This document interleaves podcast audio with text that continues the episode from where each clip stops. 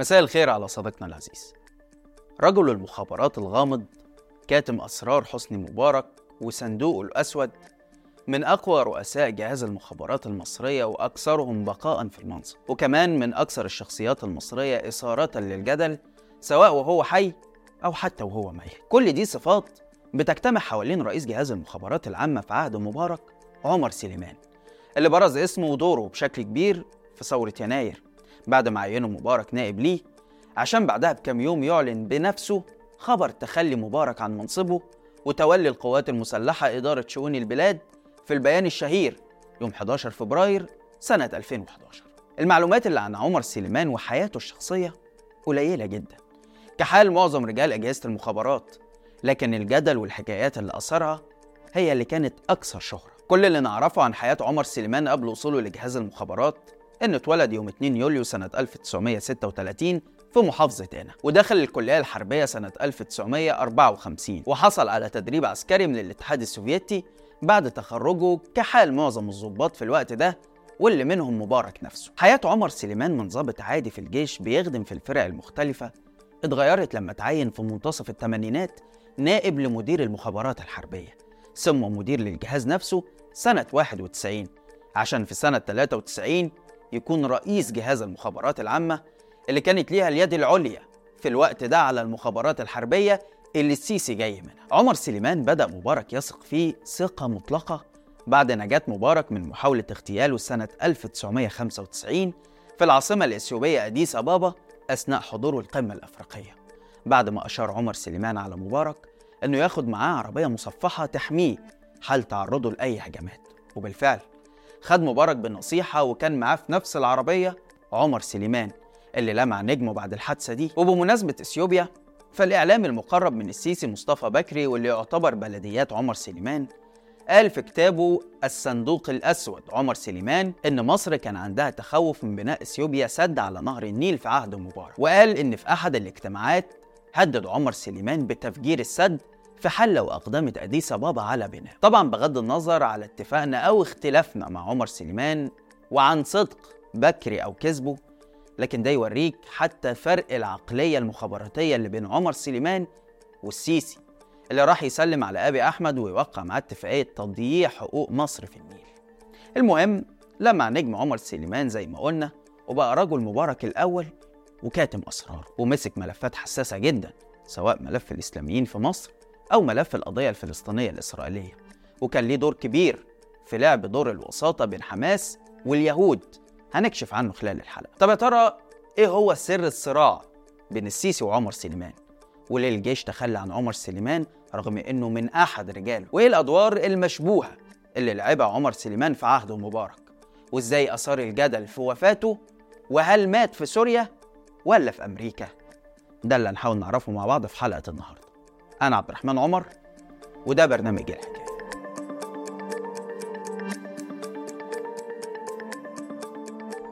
أهلا بيكم. يوم 21 يوليو 2012 وبعد وفاة عمر سليمان بيومين نشر معهد بروكينجز الأمريكي تقرير عن رئيس جهاز المخابرات العامة الأطول بقاء في منصبه واللي فضل 18 سنة على رأس جهاز المخابرات وتحديدا من سنة 93 ل 2011 المعهد الأمريكي قال إن عمر سليمان ترك إرث فريد من نوعه في جهاز المخابرات وإن حول عمل الجهاز من التركيز على التجسس على الاحتلال الإسرائيلي وزرع العملاء للتركيز على المعارضة وخاصة الإسلاميين والتجسس عليهم داخل وخارج مصر. ووصل الأمر إن ده بيتم بالتنسيق مع الأجهزة الإسرائيلية. المعهد كمان قال إن جهاز المخابرات العامة قام بتعذيب مواطنين مصريين وعرب لانتزاع معلومات لصالح أجهزة أمن أجنبية. وعلى الأخص وكالة المخابرات المركزية الأمريكية CIA خلال فترة إدارة سليمان للجهاز. وده اللي أكده ظهور اسمه في العديد من البرقيات الدبلوماسية الأمريكية اللي نشرها موقع ويكيليكس. وأشهر قضايا التعذيب اللي اتورط فيها عمر سليمان مع جهاز المخابرات الأمريكية هي قضية طلعت فؤاد قاسم أو أبو طلال القاسمي المتحدث باسم الجماعة الإسلامية في فترة التسعينات. قاسم كان لاجئ في الدنمارك وكان بيعد كتاب عن البوسنة والهرسك وسافر عشان يشوف المأساة بنفسه. وأثناء وجوده في كرواتيا اختطفته المخابرات الأمريكية وسلمته للمخابرات المصرية. عشان يخضع لعمليات تعذيب انتهت بمقتله. من غير ما حد يعرف حاجة عنه ولا حتى تطلع له شهادة وفاة بعد إنكار مصر وجوده رغم اعتراف كل الأطراف سواء الأمريكية أو الكرواتية. قضية تانية وقصة تانية من قصص تعذيب المخابرات العامة في عهد عمر سليمان وتحت إشرافه.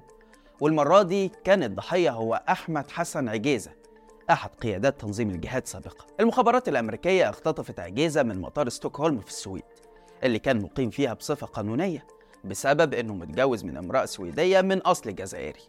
عشان بعدها تبعته لمصر بمساعدة المخابرات السويدية ويتم التحقيق معاه تحت إشراف عمر سليمان شخصيا.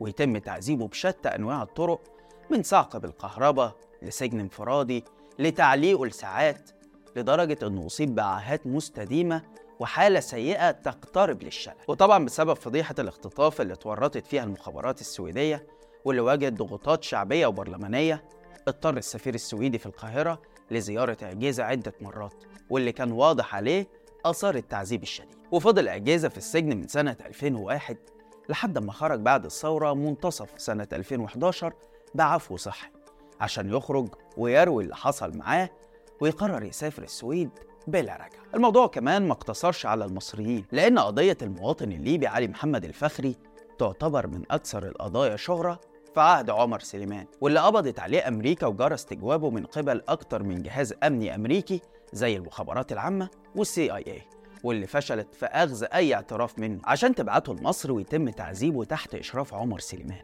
عشان يدلي باعترافات ما عملهاش تحت التعذيب. وتستخدمها إدارة جورج بوش في الوقت ده كدليل على العلاقة بين صدام حسين وتنظيم القاعدة قبل أشهر من غزو العراق سنة 2003 عشان بعد كده يتم إثبات زيف الاعترافات دي اللي تمت تحت التعذيب. وفي مثل كده في عهد عمر سليمان أو قصة انتشرت في مصر وكتير مننا سمعها وهي إن لما المخابرات الأمريكية تفشل في أخذ اعتراف من متهم تاخده في مكان تحت الأرض وتقول له أنت دلوقتي مش في أمريكا أنت في مصر وأي حاجة هنعملها فيك أمريكا غير مسؤولة عنها الحقيقة القضايا والأسماء اللي تم تعذيبها تحت إشراف عمر سليمان أكبر بكتير من إننا نرصدها كلها أو نتكلم عنها في حلقة واحدة. لكن هسيب لك أبرز الأسماء اللي تورط عمر سليمان في تعذيبها وأنت ممكن بنفسك تبحث عنها وتعرف قصصها. زي مثلا عادل فتوح الجزار أبو عمر المصري رفاعي طه وغيرهم كتير وما خفي أعظم. وطبعا يا صديقي العزيز عشان تفهم قصدي صح فاحنا هنا مش بنؤيد أفكار الناس دي ولا بندافع عنهم اطلاقا. ولكن إحنا بنكشف الجرائم اللي مورست ضدهم. لأننا ضد تعذيب أي إنسان اللي حرمته كل الأديان أو القوانين واللي يتم إدانته في محاكمة عادلة ياخد عقابه بالقانون. عمر سليمان تولى بنفسه الملف الفلسطيني الإسرائيلي وكان دائم الزيارات لغزة وتل أبيب والقدس ورام الله وكانت القيادة الأمريكية بتثق فيه وبتفضله بسبب عدائه للإسلاميين بشكل عام والحماس والإخوان بشكل خاص. سليمان أشرف بشكل خاص على تسليم الأسير الإسرائيلي جلعاد شليط للاحتلال الإسرائيلي. وراح غزة بنفسه عشان يتأكد إنه لا يزال على قيد الحياة لحد ما الصفقة تمت. والكلام ده مش سري ولا حاجة ده أعلن عنه في الصحف المصرية والعبرية كمان. صحيفة هآرتس العبرية قالت في تقرير ليها إن عمر سليمان اللي سمته بصاحب البيت في أروقة الحكم الإسرائيلي يعد المسؤول المصري الأقرب ليها. طبعا ما كانش لسه السيسي ظهر في الصورة.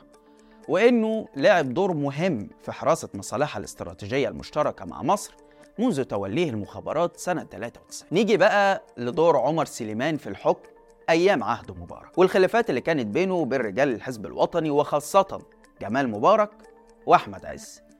الصحفي المقرب من نظام السيسي مصطفى بكري واللي كان ليه علاقة بعمر سليمان وراح له المخابرات بحسب شهادة بكر نفسه في كتاب الصندوق الأسود. اللي نشرته اليوم السابع قال إن عمر سليمان كان ضد ملف التوريث لجمال مبارك وإنه كان شايف إن ده هيودي الكارثة بسبب الغضب الشعبي. وبعد ما صحيفة التلجراف البريطانية نشرت تقرير عن عمر سليمان وقالت إنه المرشح الأقوى لخلافة مبارك. كان جمال مبارك وعز بيعدوا ليه المؤامرات عند مبارك عشان خاطر يبعدوا عن منصبه. لكن في النهاية كان مبارك بيرفض بسبب ثقته فيه. بكري قال إن عمر سليمان راح لمبارك واشتكى له من شلة جمال ابنه وإنها سبب من أسباب السخط على نظامه. فمبارك رد عليه وقال له قول الكلام ده لجمال. ولما عمر سليمان قعد مع جمال رفض نصايحه وقال له أحب أسمع النصايح دي من والدي مش منك عشان ينتهي اللقاء بعدها. لكن طبعا جمال اتضايق وبعدها طلب من أبوه يكلم عمر سليمان عشان يروح له جهاز المخابرات ويطلع على آليات عمله. وفعلا مبارك رحب بالفكرة وكلم عمر سليمان عشان يستقبله. لكن عمر سليمان ما استقبلوش الاستقبال الحار وفضل في مكتبه مستنيه وشرح له معلومات بدائية عن عمل جهاز المخابرات عشان جمال يروح بعدها لأبوه يقول له المعلومات اللي عرفتها دي كان ممكن أعرفها من على النت. فاستدعى مبارك عمر سليمان وقال له ليه مزعل جمال؟ قال له إن دي معلومات حساسة وأقسمت على حمايتها. فمبارك قال له بس ده ابني. فقال له طيب ابعت لي خطاب من الرئاسة وأنا هطلعه على كل حاجة. عشان في الآخر يتراجع مبارك ويقول له خلاص هكلمه أنا في الموضوع ده. عشان بعدها جمال يتعمد تهميش عمر سليمان في أكتر من مناسبة. طبعا كل الكلام ده رواية مصطفى بكري زي ما قلت بكري كمان قال في كتابه إن مبارك استدعى عمر سليمان بعد تدهور حالته الصحية ووفاة حفيده محمد نجل علاء مبارك. وقال له يحضر له سيناريو خروج مشرف. عشان يقترح عليه عمر سليمان إنه يعمل فترة انتقالية يمسك فيها الجيش البلد وبعدها ممكن جمال ابنه يرشح نفسه. لكن مبارك رد عليه وقال له إيه بقى؟ الجيش لو مسكها يا عمر مش هيسيبها تاني. طلع كان بيفهم والله. خد بالك إن دي مش رواية الإخوان ولا المعارضة دي رواية ناس مقربة من السيسي. أنا بكلمك عن اليوم السابع ومصطفى بكري وهسيب لك كمان اللينكات في مصادر الحلقة. ومع بداية سنة 2011 والثورة ضد مبارك وفي سابقة أولى عين مبارك عمر سليمان أول نائب ليه طيلة حكمه اللي استمر 30 سنة. عشان في اليوم الثاني ينجو عمر سليمان من محاولة اغتيال بحسب شهادته في محاكمة مبارك. وفي الكواليس كده يقال إنه مبارك اقترح على المشير طنطاوي إنه يعينه نائب ليه لكن طنطاوي رفض لأنه طبعا عارف إن المركب غرقانة واللي هيتصدر المشهد هيتم الإطاحة بيه مع مبارك. واقترح عليه تعيين عمر سليمان عشان الأخير يوافق. وطبعا هنا طنطاوي ضرب عصفورين بحجر. لو خلص من مبارك هيخلص معاه من رجل المخابرات الأقوى والتهديد الحقيقي للمجلس العسكري. الحقيقة صديقي العزيز بغض النظر عن حقيقة أو زيف الرواية دي لكن الأحداث اللي بعد كده بتثبت احتمالية حدوثها. بسبب أعداء المجلس العسكري اللي كان واضح بعد الإطاحة بمبارك لعمر سليمان ومنعه من الترشح للانتخابات الرئاسية سنة 2012 اللي فاز بيها الرئيس مرسي بحجة إنه ما حصلش على دعم 15 محافظة وبفرق عشرات التوكيلات فقط عن شروط الترشح. وطبعا عمر سليمان غير محبوب من الجيش لأنهم بيحسبوه على المخابرات مش من داخل المؤسسة العسكرية نفسها. وده كان واضح حتى في عهد مبارك وبعد الثورة لأنه كان خارج أعضاء المجلس العسكري رغم منصبه الحساس في الجيش والدولة. والكلام ده أكده وكيل جهاز المخابرات العامة الأسبق اللي هو ثروت جودة اللي قال إن عمر سليمان تعرض لغدر يهد جبال مرتين. المرة الأولى لما كان نائبا لمبارك وأزاحوا المجلس العسكري من أي منصب رغم علاقاته داخل وخارج مصر. اللي إحنا شفناه إن هو أزيح ودي كانت أول ضرب. تاني مقلب أو خبطة اتخبطها عمر سليمان كان في عملية الترشيح هو لم يرشح نفسه وقال لك يعني أنا راجل كباره المفروض إن أنا مش آه يعني ما انزلش لهذا المستوى. وقال لك أنا مش هترشح. نتيجة لضغوط كتير جدا من الشعب المصري ومن فئات كتيرة جدا الراجل قال لك أوكي أنا موافق. آه وما قالش أنا موافق إلا بعد ما جاب كم توكيلات يغطي آه القانون وما هو مطلوب. دخل الكلام ده للجنة. آه طبعا يعني عمر سليمان ما هو صغير ولا المجموعة بتاعته صغيرة عشان تودي أسيوط ناقصة 10 10 توكيلات ولا كلام من ده يعني. طبعا الكلام ده مش مش صحيح يعني. هتقول لي اتغدر بيه من مين؟ مين اللي كان ماسك القياده السياسيه وفي إيده اتخاذ القرار؟ المجلس العسكري. جوه المجلس العسكري اللي كان بياخد القرار هو المشير طنطاوي. والتانية في استبعاده عن قصد من المنافسة في الانتخابات الرئاسية من قبل المجلس العسكري ولجنة الانتخابات وإن المشير طنطاوي بنفسه ما كانش عايز يوصل لسباق الانتخابات الرئاسية. وزي ما أثار عمر سليمان الجدل في حياته برضه أثار الجدل في وفاته يوم 19 يوليو سنة 2012 بعد ما شاب بنفسه فوز مرشح ألد أعدائه الدكتور محمد مرسي برئاسة الجمهورية. في روايتين في وفاة عمر سليمان. رواية رسمية بتقول إنه توفى في أحد مستشفيات الولايات المتحدة أثناء إجراء عملية بالقلب. وفي رواية تانية أكدها رجال من جهازه زي اللواء محمود زاهر واللي خدم مع عمر سليمان في الجهاز وهي إنه تعرض لغدر واتقتل في تفجير الخلايا الأمنية في دمشق لما كان بيحضر اجتماع أمني على مستوى عالي مع أفراد مخابرات من دول تانية. الوزير عمر سليمان استشهد في سوريا في مركز المخابرات السوري ومعه مجموعة ضخمة جدا من أجهزة المخابرات أمريكية وإسرائيلية وسعودية وسورية وأردنية ومصرية وأخرى. وبخيانة داخل هذا المركز تم تفجيره واستشهد في هذه الواقعة. وهذا أنا سجلته وعلى مسؤوليتي والوحيد اللي سجله لأن هذا حق هذا الرجل طبعا لو الروايات اللي بتقول إنه تعرض للاغتيال دي صح ممكن يكون اللي قتلوا ناس من أجهزة الدولة نفسها زي المخابرات الحربية أو الجيش أو دولة مبارك العميقه لأن عمر سليمان كان صندوق أسود وعارف أسرار وخفايا كتير عن الجيش ودولة مبارك. ورجالها. لكن ورغم وفاة عمر سليمان ووصول السيسي للحكم بعد انقلابه على الرئيس مرسي سنة 2013 إلا إنه ظل في حالة صراع مع رجال المخابرات العامة اللي معظمهم كانوا بيدينوا بالولاء لعمر سليمان خاصة بعد ما اختلفوا معاه هم ورجال من الجيش في بعض القضايا زي سد النهضة وبيع جزيرتي تيران وصنافير للسعودية. السيسي بدأ حربه ضد جهاز المخابرات العامة بنقل بعض اختصاصاته لجهاز المخابرات الحربية اللي السيسي جاي منه وبدأ في تصفية أعضائه من الخدمة زي مثلا في نهاية 2015 أحال 11 من وكلاء جهاز المخابرات العامة للمعاش. كمان السيسي عشان يضمن سيطرته على جهاز المخابرات العامة عين صديقه المقرب اللي هو عباس كامل مديرا للجهاز سنة 2018 ونقل ابنه محمود في نفس السنة للجهاز ورقاه من رتبة رائد لرتبة عميد متجاوزا كل الأعراف العسكرية. ورغم نجاح السيسي في السيطرة على جهاز المخابرات العامة إلا أنه لازال يعتبر أكبر خطر من داخل أجهزة الدولة بيهدد وجوده.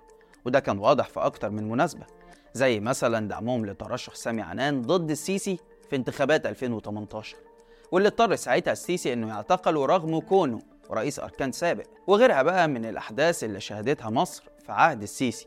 زي التسريبات اللي خرجت له أكتر من مرة واللي اتقال إن المخابرات العامة هي اللي وراها. في النهاية بنتمنى إن اللي يحكم مصر واللي يدير أجهزتها ناس وطنيين مخلصين للبلد وللشعب اللي عايش تحت حكم العساكر لأكتر من 70 سنة اللي كل هدفهم هو البقاء في مناصبهم والحفاظ عليها حتى لو كان الشعب هو الضحية. بس كده. لحد هنا والحلقة خلصت. شارك الحلقة لو عجبتك وتابع حساب شباك وحسابي على الانستجرام هتلاقي اللينك في الوصف. واستنانا كل يوم اتنين وجمعة الساعة 7 بالليل بتوقيت القاهرة في حلقة جديدة من برنامج إيه الحكاية؟ سلام.